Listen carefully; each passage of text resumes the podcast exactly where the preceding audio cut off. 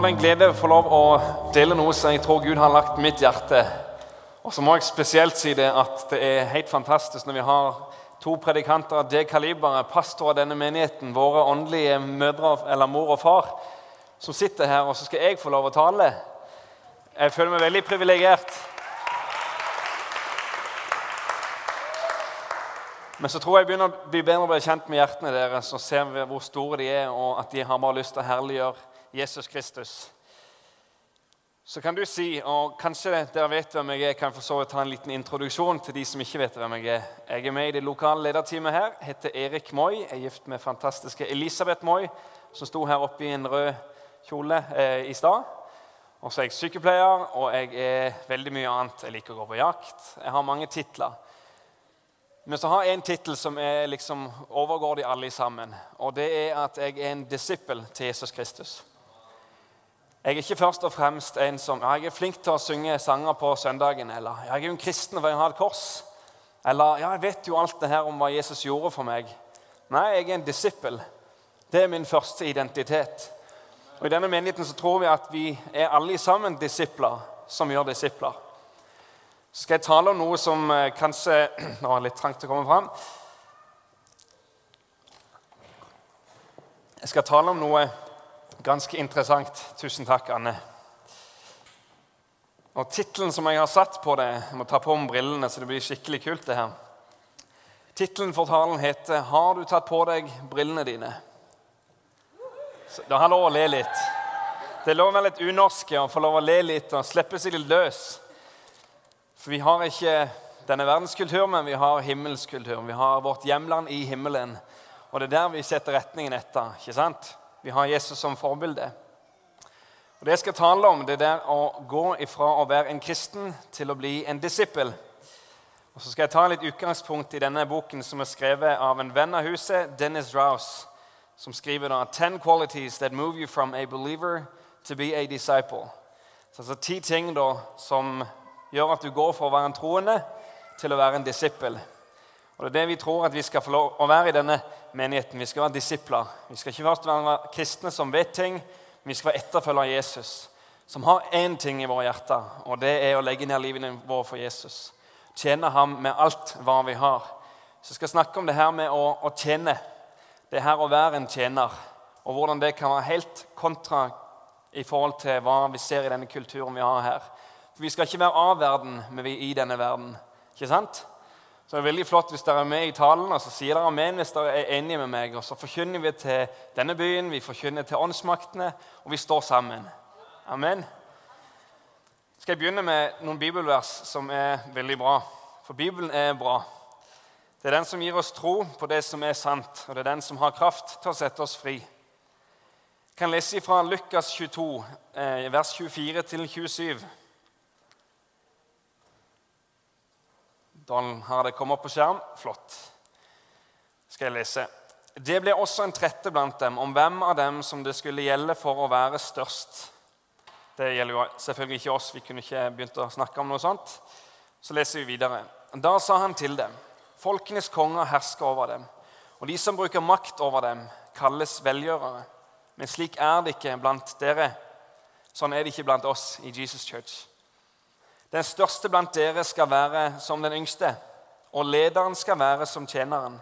For hvem er størst, han som ligger til bords, eller tjeneren?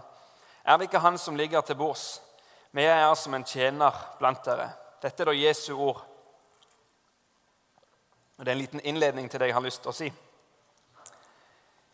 Så sitter noen kanskje her og tenker nå står han i dress på en søndag. Det er jo ikke helt lov i Norge. Eller er det lov, kanskje? For Jeg har lyst til å ha litt sånn virkemidler for at dere ikke skal komme på gudstjeneste, høre et ord, og så tenke dere ja, det var kjempebra. Og så på mandag morgen så Hva var det egentlig jeg snakka om igjen? Jeg har lyst til å ha litt virkemidler, sånn at det jeg tror Gud har lagt på hjertet mitt, skal få lov å sitte. Vi skal få lov å ta tak i det Gud har for oss i dag, og sammen få lov å bryte dette brødet. Og sammen få lov å spise dette brødet og bli mette. Og kunne få lov å være mette så vi kan gi ut til de andre vi har rundt oss i byen.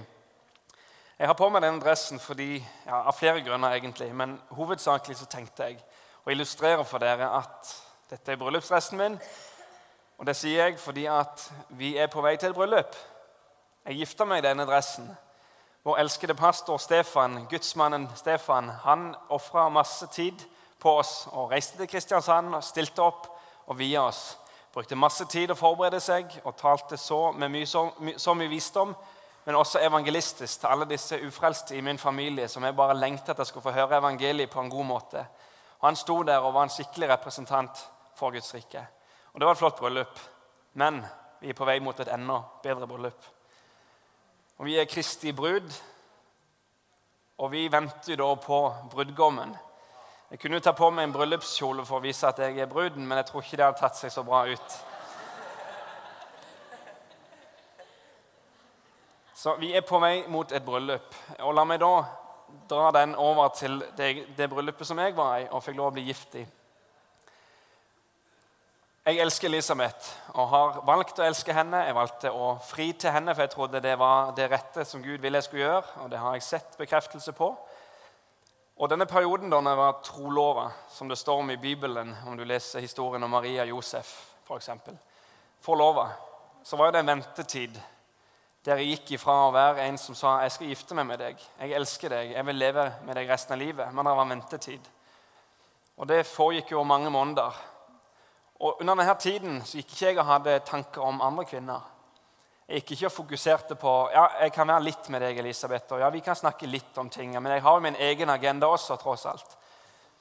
Men det var jo mot ett mål. Jeg styrte mot ett mål, og det var å bli gift med denne kvinnen. Og hjertet mitt skulle tilhøre henne 100 Og På bryllupsdagen så gikk ikke jeg opp og så tenkte jeg, ja, olabukse er jo fint, T-skjorte er fint, og ja, det går sikkert fint. Det viktigste er jo jeg er jo meg, og jeg stiller opp. ikke sant? Nei, jeg vil jo gjøre det beste for hun jeg skal gifte meg med. Jeg vil jo tjene henne med å framstå så bra som mulig for henne. For jeg så fram mot den dagen. Var det alt handla om.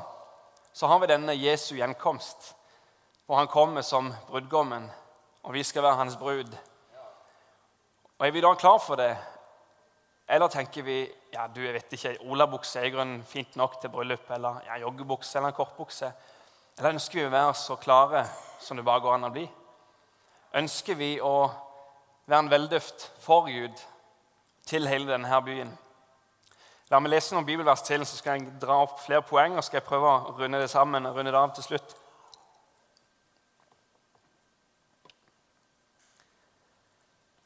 Jeg skal lese noe som står i 2. Korinterbrev, kapittel 4, og vers 5.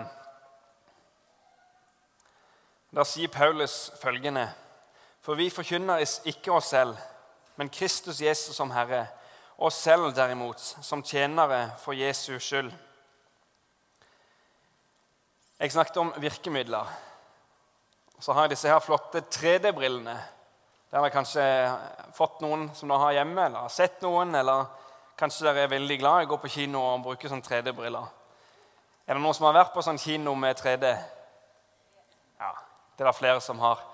Og det som er ganske interessant, er at Hvis du ikke har sånne briller, så kan du sette deg ned på framerste benk eller samme hvor du sitter, og ha den beste plassen, egentlig.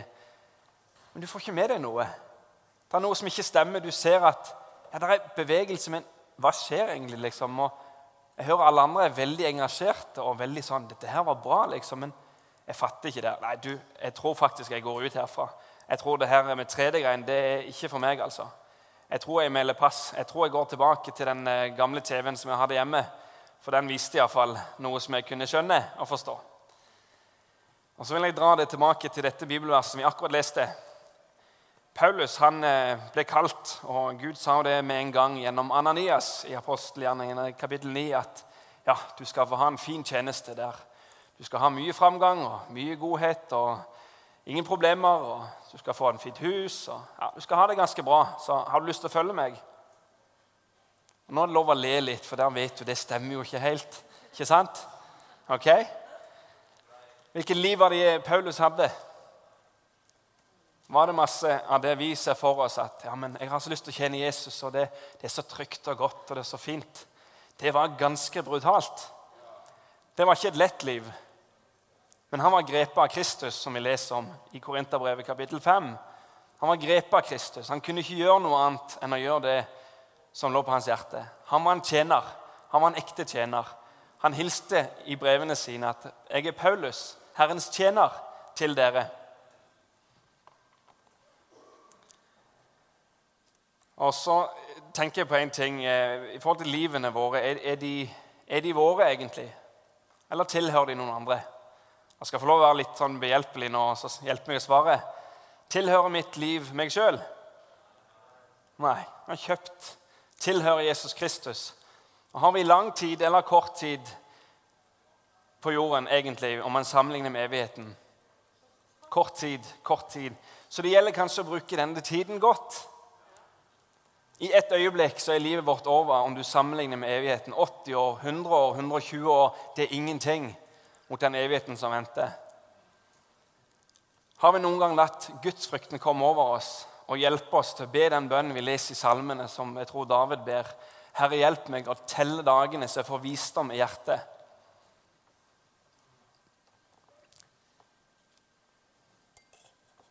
Jeg er veldig stille her, men, eh, så da høres det veldig godt når jeg eh, smatter litt. Håper det går greit. Vet, Jeg er ganske død med Kristus. Det pleier jeg å si til meg selv ofte. Jeg eh, har ikke ja, ja, sånn tenker jeg, og sånn gjør jeg. Nei, det er ikke et Erik-liv. Det er et nytt liv med Jesus. Jeg har ett liv jeg lever, og det lever jeg i oppstandelsen sammen med Jesus. Hva han vil, det er mitt liv. Det er det eneste jeg vil bry meg om. Og vet du, Å stå framme foran dere i en dress på en søndag det er ganske utenkelig for meg. Det byr meg imot. Men heldigvis er jeg død med Kristus. Jeg har ikke min ære i hva jeg tenker, men jeg har min ære i hva han vil at jeg skal tenke. Og det han vil, det vil jeg gjøre, for jeg vil tjene han. Jeg vil bli en tjener. Og det er her jeg kom inn på dette poenget med disse brillene. At Har du ikke de brillene, så tror jeg at veldig mange ting i Guds rike og i Guds ord det er ikke fornuftig for deg. Du tenker Hvorfor skal det her skje? Liksom? Hvorfor skal jeg gå gjennom vanskelige tider? Hvorfor ber de meg om å gjøre noe? Mener, jeg har jo det TV-programmet mitt som jeg må se. Må vi alltid se TV-program? Fins det alternativer? Går det an å søke Guds rike på en annen måte, kanskje? Går det an å tenke nytt? For vi skal ikke være som denne verden. Vi er i denne verden, men vi er ikke av denne verden. Kan vi lese i Romerbrevet 12 egentlig, og kapittel kapittel 12, vers 1 og 2. Nå kommer det litt biter med forskjellige sånn innspill. Jeg skal prøve å dra det sammen til slutt, så dere forstår hva budskapet mitt er.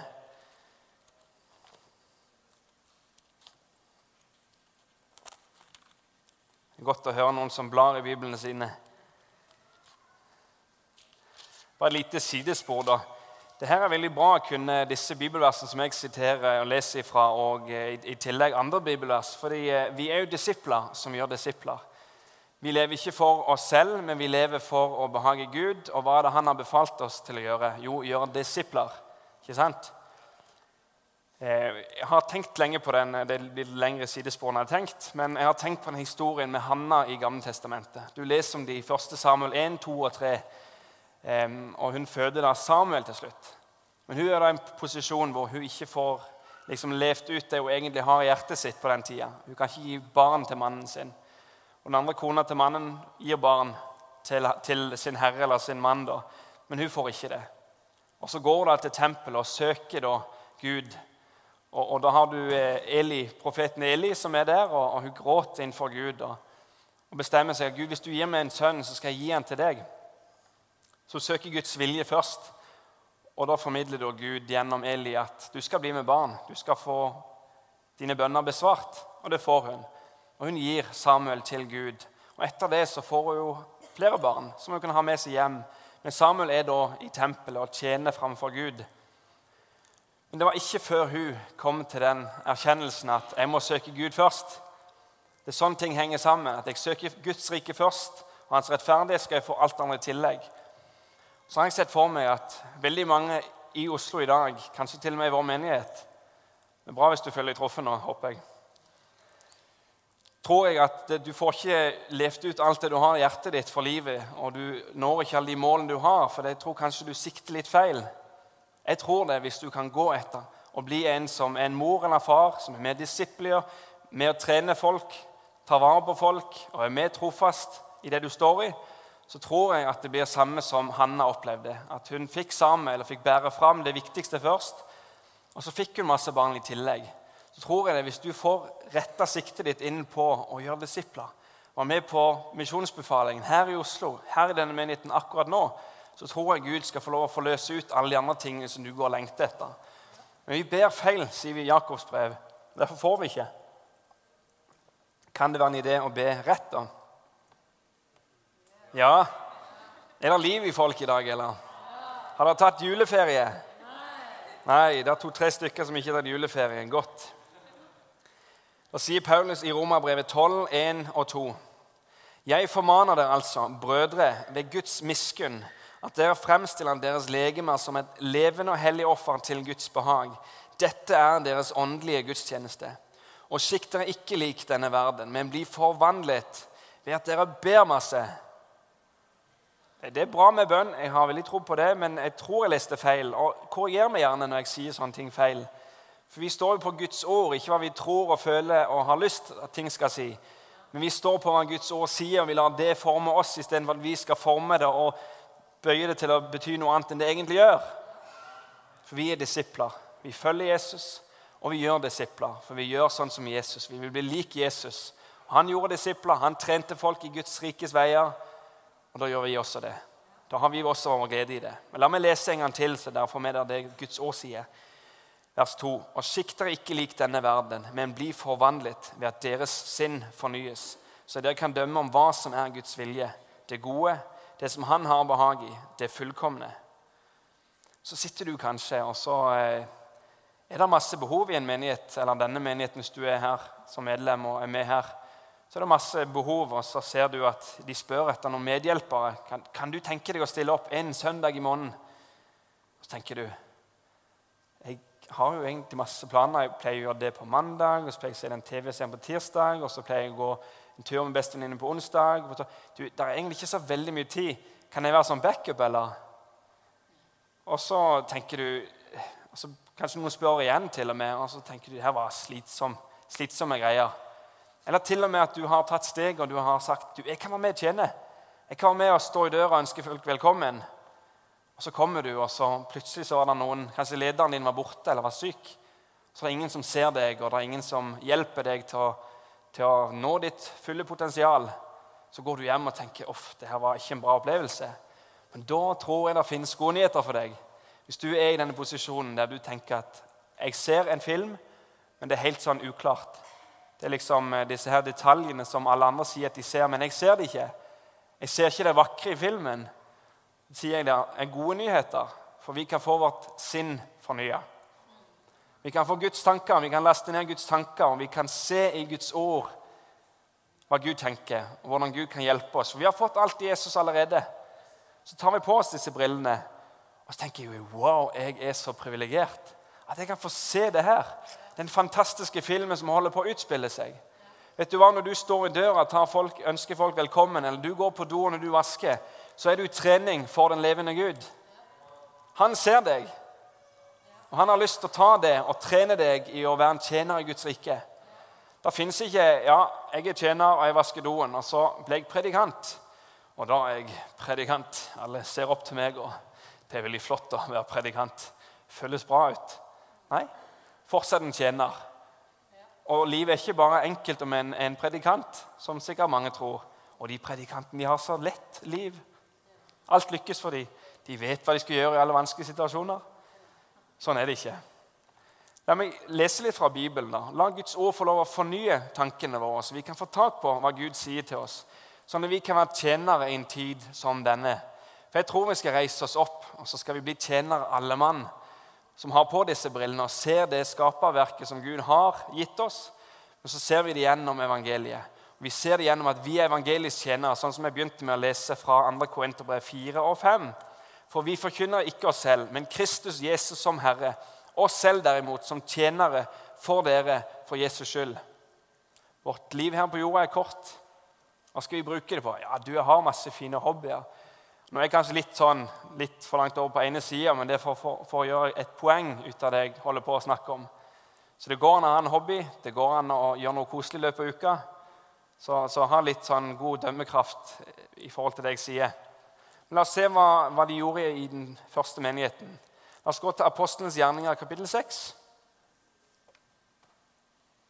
Er med meg fortsatt, eller har dere sovna?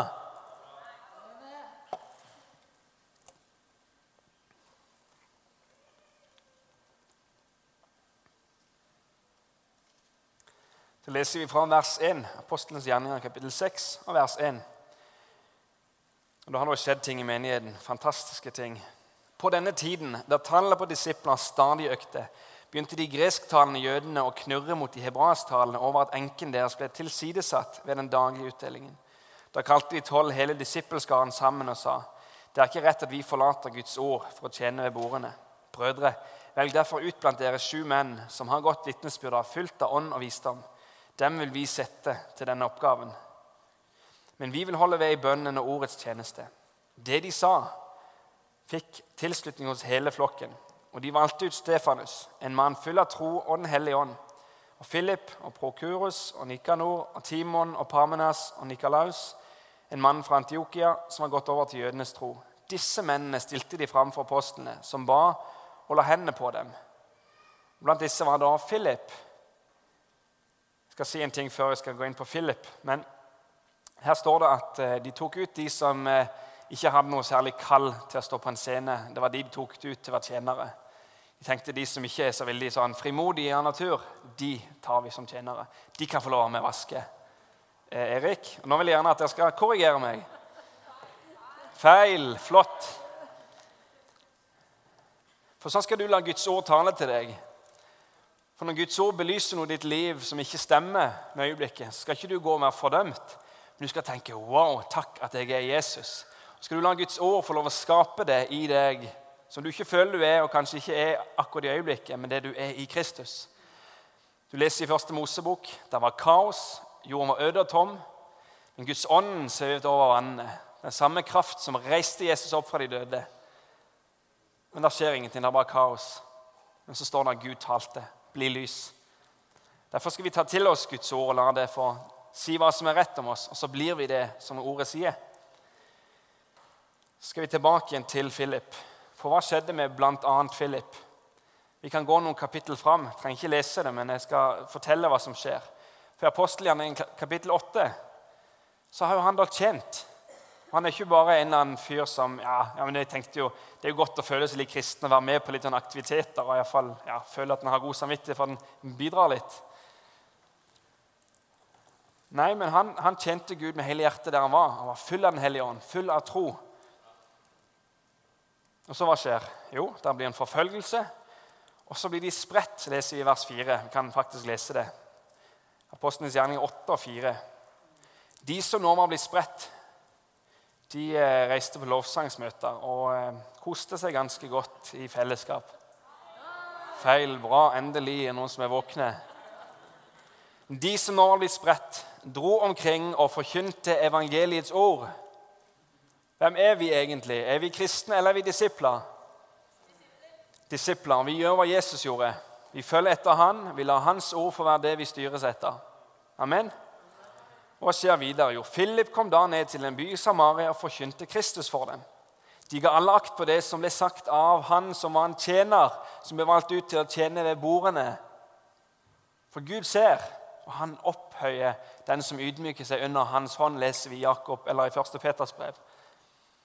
Så når vi da setter oss ned på huk og vi sier, 'Gud, jeg vil kjenne deg', om det er, om det er å, å vaske doene, eller om det er å stå i døra, eller om det gjør noe som ingen ser, så vil jeg kjenne deg, Gud. Jeg vil ha på meg disse brillene som du har skapt for meg i ditt ord. Jeg vil bli den tjener du har kalt meg til. Så betyr det ingenting om du står foran én eller om du står foran tusen. Det betyr ingenting om folk er for deg eller om de er imot deg når du taler til dem. For du har ikke fokuset ditt der. Det er ikke der motivasjonen din ligger. Det ligger der oppe, der som Jesus er.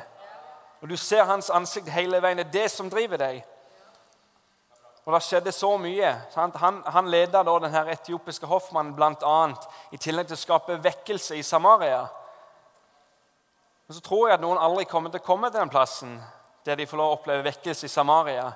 For de begynner ikke med å ta på seg brillene og se akkurat der de er. Takk, Anne.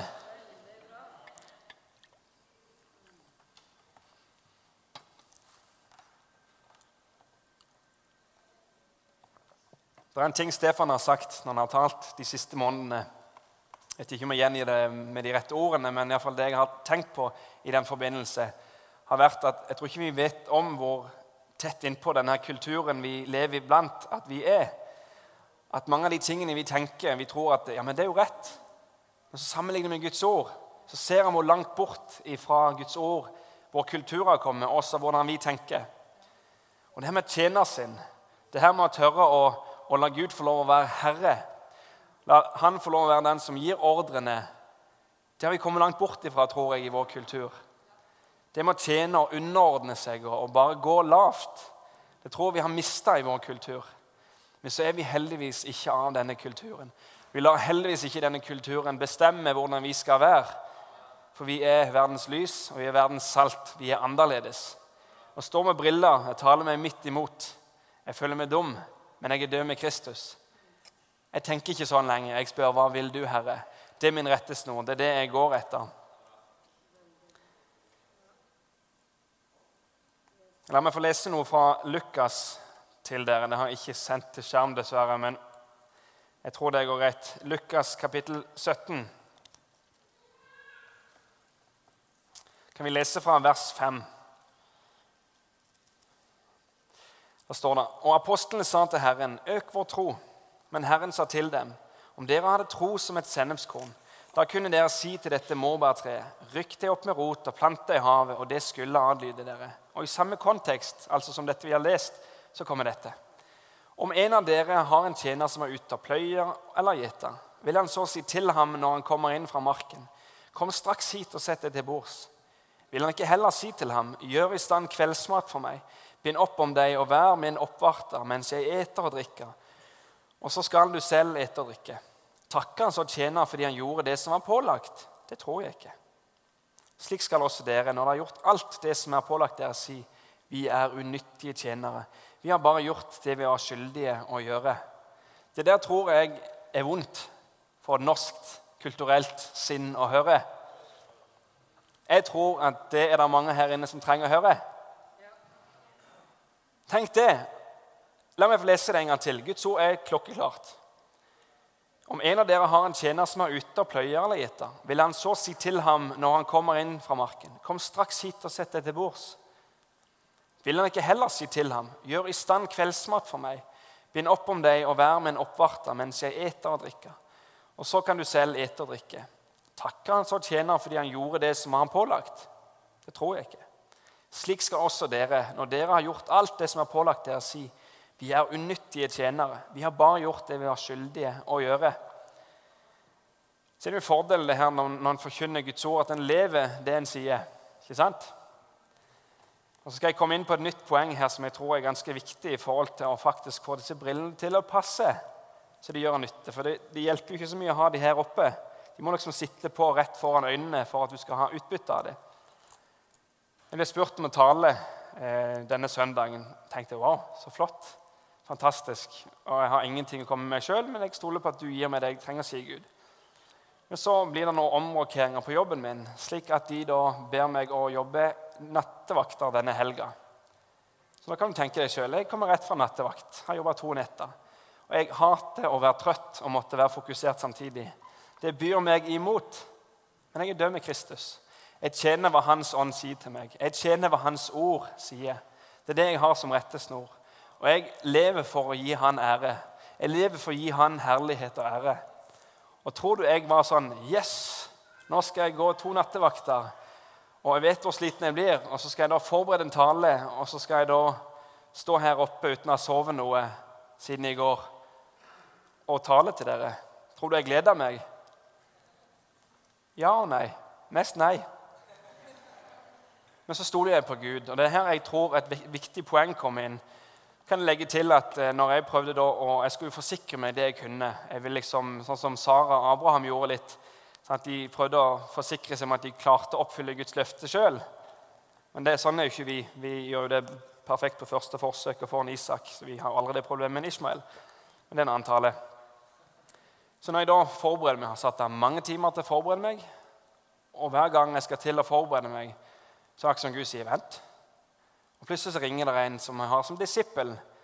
Og vet du hva? Han får lov å forstyrre meg i mine forberedelser. For jeg er ikke først og fremst en predikant, eller jeg er ikke først og fremst en sykepleier, eller det ene eller andre, men jeg er en disippel som gjør disipler. Jeg er opptatt av misjonsbefaling, ikke der ute, men her. Den hellige ånd skulle komme over dem, skulle få kraft til å forkynne evangeliet i Judea, Samaria og like til jordens ende. Men det begynte der de var. ikke sant? Så ringer han meg, og så tenker jeg dette her har jeg ikke tid til. Så kjenner jeg bare inni meg en overbevisning. Det har du tid til. Stol på meg. Stol på meg. Det byr meg imot å gjøre det. Men jeg lar ikke hva jeg tenker og mitt ufornya sinn få lov å bestemme. Jeg lar hva Gud vil bestemme. Og jeg er en tjener. Jeg vil tjene Gud. Så jeg tar da denne telefonen, og det er ikke bare kvartersamtale. Her er det mye rusk i maskineriet hos denne disippelen. Skal jeg da si du, jeg har ikke tid til dette? Eller skal jeg bruke den troen som Gud har lagt i hjertet mitt, til å tjene Han? Skal jeg da velge å la Gud fornye sinnet mitt og si at det går helt fint, Erik. Jeg har en annen måte å gi deg de ordene du skal tale og si. Så jeg velger å stole på at Gud har kontroll. Så i dag bruker jeg en og en halv til to timer på å bare si Guds ord. Si han imot på veldig mange ting. Vær kjempedirekte, men veldig god mot han også. For det er bare sannhet som kan sette oss fri. Det er ikke, ja, men Jeg skulle ønske at det var det her. og det er vi også forresten veldig dårlige på i Norge. Å tørre å høre sannhet og tørre å tale sannhet med hverandre. Og det trenger vi for å bli satt fri. Så går tida, da, jeg blir bare litt mer og mer og mer stressa. Ok, nå skal jeg da snart på jobb igjen. Jeg har ikke kommet så langt som jeg hadde tenkt. Og så kjenner jeg bare inni meg ta det med ro. Jeg har alt planlagt. Erik, det her går fint. Her står jeg. Jeg har ikke sovet noen ting. Og jeg tenker litt sånn Burde jeg egentlig sagt ja til dette? og Tror du ikke på fredagen, så kjenner jeg jeg begynner å bli syk. Men så tenker jeg at vet du hva? Guds ord har han opphøyd over alt. Det er ikke omstendighetene som er på førsteplass. Det er Guds ord. Så tenker jeg oi, kanskje Stefan Anne tenker at det her var ikke noe bra gjort. Og jeg vil tjene dem, jeg vil høre på hva de har å si, men de er ikke Gud. Og Jeg tjener ikke først og fremst de, jeg tjener Han. Og fordi jeg har øynene bare fokusert på Han, så kan jeg tjene de. Jeg kan tjene andre. Så kommer dette poenget jeg har lyst til å dele med dere. Det kan gå til første kongebok, kapittel 17. For det er dette jeg tror kanskje gjør at mange av dere ikke får på disse 3D-brillene, som gjør at dere får se den fantastiske filmen som ligger foran dere. Og Du har kanskje da sett andre som har sett denne filmen, eller du har hørt om andre som har den, eller sett denne filmen. Og De har hatt det så gøy, og de forteller om den fantastiske historien som går gjennom mange utrolige ting. Men så skjønner du ikke helt hvordan det her skal gå til. Så tror jeg dette her skal delen nå komme til å hjelpe deg å få på plass dette. Så kan vi lese, lese litt, og så skal jeg eh, skal se, bare ta noen utdrag av det. Så er det da tørke, en tørkeperiode. Det regner ikke, og da blir det ikke mat. Vi leser fra vers 8 i kapittel 17. Da kom Herrens ord til ham, og det lød så. Stå opp og gå til Sarepta, som hører til Sidon, og bli der. Jeg har befalt en enke der å gi mat. Gud har befalt. Han sto opp og gikk til Sarepta. Da han kom til byporten, fikk han se en enke som gikk og sanket ved. Han ropte på henne og sa, 'Hent litt vann til meg i en skål, så jeg får drikke.' Da han gikk for å hente vann, ropte han etter henne og sa, 'Ta med et stykke brød til meg.' Da sa hun, 'Så sant Herren din Gud lever, jeg eier ikke en brødbit.' Jeg har bare en håndfull mel i krukken og litt olje i kruset. Nå går jeg her og sanker et par stykker ved for å gå hjem og lage det til meg og sønnen min. Så kan vi ete, ete det og så dø. Men Elia sa til henne, frykt ikke. Gå hjem og lag det til som du har sagt. Lag bare først et lite brød til meg, og kom ut til meg med det. Siden kan du lage noe til for deg og sønnen din. For så sier Herren, Israels Gud, melkrukken skal ikke bli tom og oljekruset ikke mangler olje helt til den dagen Herren sender regn over jorden. Hun gikk og gjorde som Elia hadde sagt, og de hadde mat, både han og hun og hennes hus, i lang tid. Melkrukken ble ikke tom, og oljekrukken manglet ikke olje, slik som Herren hadde talt gjennom Elia. Amen. Så tror jeg det er hvordan mange vil tenke i dag også. Du, eh, Vi har behov for eh, at noen kanskje tar ansvar for kids i menigheten. Du, Erik, det har jeg ikke gjort før. og hva, jeg, jeg har jo barn, og sånt, og jeg leser jo Bibelen for dem, men altså, det er ikke helt min ting. du vet, jeg har bare disse her brødene, det her lille som Jeg tror det er best at jeg egentlig ikke kommer så ofte på søndagene heller. For det, barna mine de må jo passes på. liksom, Jeg må ikke fornærme dem, jeg må ikke utfordre dem for mye. og jeg, jeg, tror egentlig bare å si nei. Jeg tror faktisk også jeg ikke kommer så ofte i menigheten, for det, nei, det koster litt for mye. altså. Da vil jeg si deg imot hvis du tenker sånn. Jeg sier det koster deg enda mer å bli hjemme og si nei til noe sånt. For hva skjer her? Hun hadde så lite, men hun ga det til Gud. Hun var lydig mot det Gud sa. Og det stoppa ikke hele den tiden det var tørke, å komme ut olje og komme ut av denne krukka. Og Sånn tror jeg det er med våre liv også. Når vi først sier 'Gud, hva vil du jeg skal gjøre?' Hva er din agenda for meg? Hva vil du, Herre? Så tror jeg at det skal komme ut mer enn nok til deg. Mye mer enn det du hadde i dine hender. Og så er det det her aspektet med at Gud er faktisk en overnaturlig Gud. Våre tanker er ikke som Guds tanker. Gud er annerledes. Han er høyere, Hans tanker er høyere enn våre tanker som himmelen over jorden, sier Jesaja. Og Denne dimensjonen skal vi inn i, fordi vi skal ha på oss disse brillene. Vi skal bli tjenere som tør å stå for hva Gud sier, fordi vi har fått denne DNA-et at vi er tjenere. Vi lyder Han, og ikke hva folk sier, ikke hva naboene våre sier, ikke hva hvem som helst sier. Men vi lyder Han. Og Vi byr oss fram hele veien, for vi vet at vår tid på jorden er kort. At det er nå vi må reise oss opp og bli de som Gud har kalt oss til. Vil du se tilbake på livet og si du, jeg hadde det veldig koselig og jeg så alle disse her flotte seriene på TV? La meg utfordre deg på en ting. Kanskje det er, Apropos den historien med Sara og Abraham. Kanskje det er du som prøver å skape din egen lykke. Ja, du, Det er viktig for vennene mine å se masse filmer og, og gjøre det her. og Ikke gå for ofte på møte, for det er litt slitsomt. Jeg må jo sove godt og jeg må jo ha tid til å slappe av. jeg tror du kanskje sørger for din egen lykke, og jeg tror ikke det alltid går så bra. For Ishmael han forfulgte det som Gud hadde tenkt. Isak leser vi i Guds ord. Og Kanskje du skal begynne å endre litt agenda, hva du setter som første prioritet. Kanskje du skal få sinnet ditt fornya, sånn som vi leste, og da skal du bli forvandla. Jesus, når han står på Forklarelsens berg, så er han skinnende hvit. Og de disiplene som var med han, de så han på en helt annen måte. Sånn skal vi bli forvandla i vår liv her og nå, for vi trenger at de rundt oss ser Jesus. Og de kan sette sin lit til Jesus. Og Dessverre så har jeg noen dårlige nyheter. at Det tror jeg gjelder for oss også. Det er de ordene som ble sagt til Ester. At ikke om, du, om ikke du reiser deg opp og sier imot, om ikke du benytter din sjanse, så skal det komme frelse for Israel fra en annen plass. Men du og ditt hus kommer til å gå fortapt. Kommer til å gå under, ikke fortapt, men, men kommer til å dø. Og jeg tror det. At ja men, ja, men, de andre de er så bra på å tjene. Jeg tror det er et sånn brillesett for oss alle sammen. Og jeg tror det er en sånn film for oss som er helt hinsides alt hva du har forestilt deg. For oss alle sammen. Men så er det det. Vil vi la Guds ord få lov å tale til oss hva som er sant? Jeg prøver å dele litt hva jeg tror Gud sier akkurat nå til dere fra Hans ord. Vi vil bli som Jesus. Så kan vi lese i eh, Filippane 2, vers 1-11.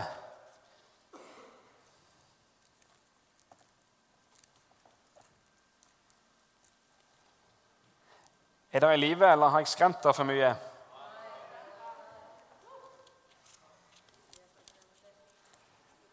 Det er et virkemiddel jeg tenkte å, å, gi dere. Det ser sikkert dumt ut, men jeg tenker det her er, det her er hjemmet vårt. Det er familien vår. Så vi kan ha et lite familiemøte om hvordan vi vil ha det i hjemmet vårt.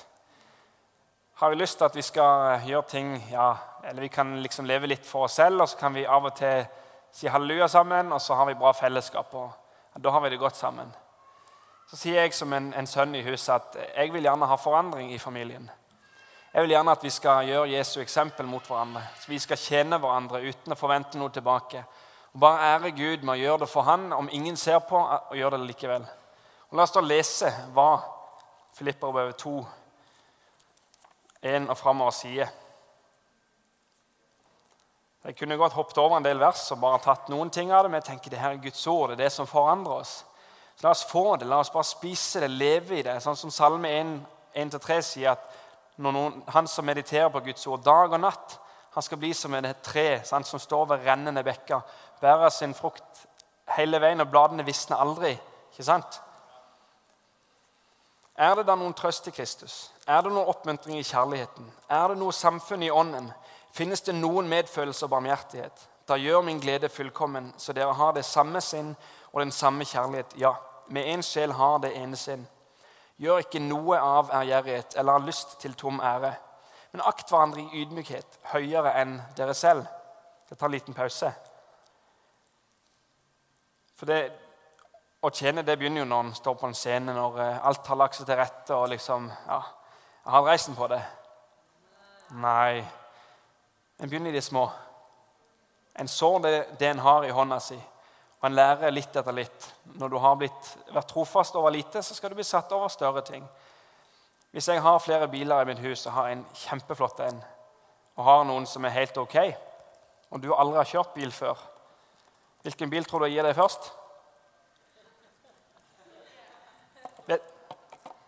Ikke våg å si den dyre bilen. Selvfølgelig den ikke så fine bilen først. For Da trener en opp hvordan en kan kjøre. Og det er det beste for deg. Men så kanskje du blir sånn sint og så tenker du at Nei, men det er min rett å kjøre bil. og det, Jeg tilhører jo denne familien, jeg er adoptert inn, eller jeg er født inn i denne familien. Jeg skal kjøre den bilen. Den er min å kjøre. Eller så lar du far i huset være far i huset. Og du bøyer deg. Og så stoler du på at han vet når den rette tida for deg å kjøre den bilen er der. Du bøyer deg og du bøyer deg og du bøyer deg. Men det er ingen som ser meg når jeg tjener og tjener, gir tienden min når jeg stiller opp. Du skal bøye deg for Gud, så skal Han opphøye deg i den rette tid, som vi leser Guds ord. La oss lese videre. Ingen må bare se sitt eget, men enhver må også ha de andres gagn for øye. Jeg husker jeg bodde sammen med en kamerat for noen år siden. og Han var ikke så veldig mye kamerat. Men han var en kamerat, selv om han ikke var så mye kamerat. Det ble litt eh, innvikla. Vi funker ikke så veldig bra sammen. Og, eh, men så er det noe med det her Guds kjærlighet og Guds natur inni oss når vi kobler det sammen med Guds ord. og vi lar det, Den hellige ånd som bor i oss, fornye sinnet vårt. Så vi får tak på Guds tanker inn i de små og store situasjonene vi har foran oss. Så lar Gud det på hjertet mitt. Begynne å tjene Han. Og det bydde meg imot. Men jeg er død med Kristus. Jeg lever ikke lenger selv, som vi leser i Galaterbrevet 22. og 20. Og så kjente jeg på hjertet mitt du, gå og vask klærne hans.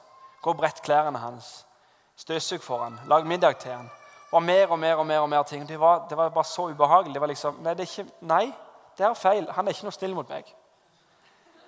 Men jeg er ikke lenger et lite barn, men jeg er på vei til å vokse opp. Jeg skal bli mer og mer lik Kristus. Og Tenk deg en familie hvis eh, der er kanskje, Noen ganger så er det noen venner som er på besøk og som de, de, tar ikke med noe selv, men de stoler på at du skal kjøpe alt. Og så, 'Takk for maten, Erik. Det var koselig å komme på besøk til deg.' Jeg har invitert meg jo selv, men det var veldig koselig. Men i en familie så, så vil det jo være foreldre som betaler for maten, og så kan barna nyte godt av det. og selvfølgelig gjester og sånt også. Men hva om familien består av masse voksne som jobber og har god inntekt, men så skal fortsatt de to voksne betale for det? Det er ikke rett. Ikke sant? For det skal være rom for barn. Samme tror de er menighet. Vi skal ikke gå rundt der at alle er som små barn som forventer å bli mata, mata, mata. Så har ikke plass til de barna som egentlig Gud har lyst til å gi oss, som vi skal ta vare på. Så la oss ta et steg opp. La oss bli noen som er med å tjene istedenfor noen som bare krever. La oss bli som Jesus og forandre måten vår å tenke på. Vers 5. La dette sinn være i dere, som òg var i Kristus Jesus. Han som da han var i Guds skikkelse, ikke holdt det som et røvet bytte å være Gud lik, men uttømte seg selv idet han tok en tjeners skikkelse på seg, da han kom i menneskers lignelse. Og da han i sin ferd var funnet som et menneske, fornedret han seg selv og ble lydig til døden. Ja, døden på korset. Ja, men De ser jo ikke gavene mine. Ja, men Jeg er jo så flink på de tingene. Og så spør de meg om jeg er som Kids-medarbeider. Stakkars deg. Jesus han eh, ble spytta på. Han var Guds sønn. Han valgte det villig. Jeg leser et siste bibelvers, tror jeg, før jeg skal runde det helt av. Det er noe veldig kjent som jeg, jeg tror dere har hørt før, men jeg, jeg tror det her skal få bli bønnen for oss alle sammen. Det kan vi lese i Matteus 26, vers 38. Og forresten, bare Mens dere finner det, så vil jeg bare nevne vers 9 og 10 og 11 for så vidt, i Filippebrev 2. Derfor har Gud òg opphøyet ham og gitt ham det navnet som er over alle andre navn, for at i Jesu navn skal hver kne bøye seg, dere som er i himmelen og på jorden og under jorden, og hver tunge skal bekjenne at Jesus Kristus er Herre, til Gud Faders ære. Så det nytter å ydmyke seg. Det nytter å tjene og gjøre det Herren vil. Så leser vi til slutt av Matteus kapittel 28. 26, beklager. 26, vers 38.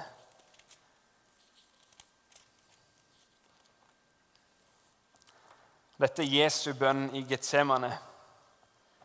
Du vet, Jesus han var et menneske som du og meg. Han satt ikke på en trone på jorda. Han satt i himmelen på en trone, men han valgte å gå ned i kjærlighet til deg. Han så den gleden som venta når da utholdt han korset, leser vi i Hebreerbrevet 12. Han så for seg deg, kjøpt fri. Han så for seg alle de som er i Oslo, som ikke kjenner Gud ennå. Og han valgte å dø for dem. Og så er han her da, som et menneske og har ufattelige kvaler foran seg. Han vet hva han skal lide og gjennomgå. Og Så tar han med seg, da, kan vi lese fra vers 37. Han tok med seg Peter og de to CBD-sønnene, og sorg og angst kom over han. Det er ikke noen sånn prosperous preacher, det her, men dette er en tjener som ikke bryr seg om, om at det skal se fint ut, men det handler om å gjøre Guds vilje. Da, han dem, da sier han til dem, 'Min sjel er bedrøvet inntil døden. Bli her og våk med meg.' Han gikk et lite stykke fram, falt på sitt ansikt og ba, 'Far, er det mulig, så la dette begeret gå meg forbi.' Men ikke som jeg vil, bare som du vil. Så kommer det kanskje en lur person og spør deg, 'Du, har du lyst til å være med hver tredje helg på Jesus Kids-samlinger og støtte oss litt?' Far, Far, er det mulig at jeg kan slippe? Vær så snill. Vær så snill. Så skal jeg oppfordre deg og utfordre deg og alt mulig. Nå ble det litt feil, men jeg vil si deg Si som Jesus sa, men ikke som jeg vil, bare som du vil. Og Da kommer det jo med en liten sånn klausul. Da bør du søke Guds vilje for å vite hva han vil for noe. Skal ikke du bestemme du på foran? Nei, det har jeg ikke tid til. Vet du hva? Jeg må sove lenge på søndagene kan jeg minne deg om at eh, vi har ganske kort tid på jorda. Skal vi se tilbake på livet og tenke ja, du, jeg hadde mange gode sovemorgener. Jeg koste meg skikkelig i livet. For jeg tror faktisk at vi søker først Guds rike, så skal vi få alt det andre i tillegg. Jesus han, han eh, har virkelig kamp med dette. Dette er ikke sånn fin bønn og ja, da gikk det greit, liksom. Tenk på den historien hvor eh, vi leser i første Mosebok når han slåss med engelen, og han sier 'Jeg slipper deg ikke før du velsigner meg'. Og han gjorde det. Og det er en sånn holdning vi vil komme inn i. Vi må si 'Disse her brillene de skal jeg ha. På død og liv jeg skal ha de. Jeg skal bli en tjener. Jeg skal ha mitt liv og mitt hjerte og alt hva jeg tenker og sier, på en ny måte. Jeg vil bli en tjener, en Jesu Kristi tjener. Men da trenger vi å stå i tro for det. Vi trenger å bestemme oss og stå på det. Sånn som Romerbrev 5 sier at det her med prøvelser er bra, for det hjelper oss å stå på det vi egentlig har. Det er fritt oversatt, men det, det hjelper oss til å skape karakter gjennom at vi står på det som vi har, vet er rett. Og da skapes det karakter i oss. Da blir vi de som vi har lyst til å være. Derfor er det bra med prøvelser. Så går vi videre, for det var ikke en enkel kamp for Jesus. Han kommer tilbake til disiplene og finner dem sovende. Han sier til Peter, så var dere ikke i stand til å våke én time med meg. Våk og be for at dere ikke må komme i fristelse. Ånden er villig, men kjødet er skrøpelig. Så gikk han bort og ba for andre gang. Min far, kan ikke dette begeret gå meg forbi uten at jeg må drikke det? Da skjer din vilje. Det bare Jesus. Han hadde sin kamp. Det var ikke et lett valg for han. Det var ikke gøy for meg å, uten at du kan sammenligne på noen som helst måte, men bare for å gjøre det tydelig for deg. Det var ikke noe lett sånn Ja da, jeg skal ikke sove på et døgn og så gå og tale, liksom. Jeg hater det. Det er det verste jeg vet. Det byr meg midt imot. Å være trøtt og ikke ha sovet og ikke ha overskudd. Men jeg stoler på han. Jeg setter min lit til han. Tilbake til kvinnen ved Sarepta. Sånn, hun kunne ikke bare gi brødet sitt og håpe det gikk greit. Men Guds uendelige ressurser var der til stede og gjorde at det gikk bra likevel. Og du kommer til å få ha et gøy liv selv om du gir opp alle disse timene med Netflix. Og kanskje som Sara og Abraham, at du skal få lov å få den Isak som du er lovt. Og komme inn i det gode du har. Og Samme som med Hanna. Hun ga Samuel til Gud, og da fikk hun det hun hadde drømt om. Men først så søkte hun Guds rike. Kanskje du skal melde deg inn i menigheten nå etterpå og bestemme deg for å stå sammen med oss i tykt og tynt, ikke bare når det passer deg. Kanskje du skal omprioritere kalenderen din for å bli en av de som er med og gjør disipler. Kanskje du skal være med og, og kanskje legge deg litt tidligere på lørdagskveld, så du kan være med og be og hjelpe nye mennesker til å være med og be før møtet. Kanskje du skal spørre kan jeg få lov å vaske doene. Og Det er en sånn velsignelse i å gjøre, gå denne veien som Jesus gjorde. Jeg ser på jobben bare et, et siste vitnesbyrd. Er dere våkne, forresten? Til stede? Så var det noen uker siden, og så, så har jeg tenkt at nei, jeg skal, jeg, skal, tjene folk. For jeg tror at det er et uttrykk for kjærlighet. Og Gud er kjærlighet, og når jeg da tjener folk, så viser jeg de Gud. Så, så, på jobben da, så har vi litt tid til over. Så vi er produktive. Vi er ikke sånn at ja, jeg må slappe av mest mulig, men vi vil stå på for Gud. Vi vil bære rik frukt for Han. ikke sant? Så tenker Jeg da må jeg, jeg har lyst til å tjene dem, jeg har lyst til å vise dem kjærlighet. Jeg tenker ikke så veldig langt at det her har konsekvenser, men jeg bare handler på det jeg vet at Guds ord sier. Og så bare spør de kan jeg gjøre dette for deg, kan jeg gjøre dette for deg, og kan jeg kjøpe det til deg. De gikk og kjøpte noen brus til dem, og gjorde alt mulig godt hva jeg kunne. Og de var helt sånn til slutt Hva er det som er galt med deg? Og så sier de du, jeg blir helt mistenksom når noen holder på sånn på denne måten. Det, det er ikke normalt. Det er, ingen i Oslo som gjør noe sånt. Hva feiler deg? sa de. Litt humoristisk, litt med glimt i øyet, håper jeg. Jeg tror det var det. Men, men, da blir det helt, får vi en god samtale om det her med godhet og, og det her med å kjenne hverandre og med kjærlighet. Og vips, spår det inn på Gud. Og Så åpner det opp en dør for at jeg gir dem en natt når vi sitter på nattevakt. Fordi de har fått et møte med noen som er annerledes, som ikke er som alle andre, som ikke er som denne kulturen, som resten av Norge, men som tør å være lys i mørket, som tør å være salt i denne verden, som tør å være annerledes og fornye sinnet sitt, vite hva som er Guds vilje så, så ble de berørt. Og hva skjer i dag? For jeg evangeliserer til dem. Jeg kan jo dele evangeliet så tydelig som aldri har gjort med noen. Nytt på nattevakten. Det tror ikke jeg hadde skjedd hvis ikke jeg kunne gått den andre veien først. Tjene dem, elske dem, vise dem godhet før jeg kunne få noe igjen.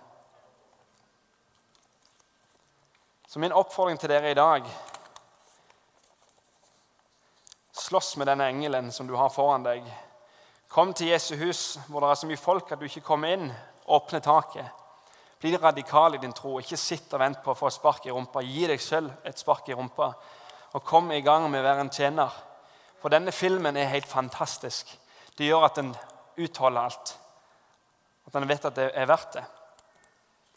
Nå skal vi dele nattverd sammen. Skal vi ha litt betjening etter det, men vi skal dele nattverd sammen. Vi kan reise oss alle sammen så kan vi ta eh, trosbekjennelsen sammen. Nå skal vi inn og dele Herrens måltid sammen. og Det handler jo om hva Han har gjort for oss. Og kanskje jeg har vært for direkte for deg. Jeg vet ikke om jeg vil be deg om unnskyldning, men eh, hvis du trenger det, så sier jeg unnskyld. Men alt dette her er jo noe som han har gitt oss. Disse brillene er uten kostnad gitt til deg, og det har gitt kraft til å sette dem på og tilpasse dem til dine øyne. For han ga seg sjøl for deg. Han betalte hele prisen. Og Efeser 1 og 3 sier at du har fått alle himmelens velsignelser i Kristus Jesus allerede. Så la oss ta tak i dem og si jeg slipper deg ikke før du velsigner meg. Jeg vil ha dette. La meg lese fra 1. Korinterbrev 11.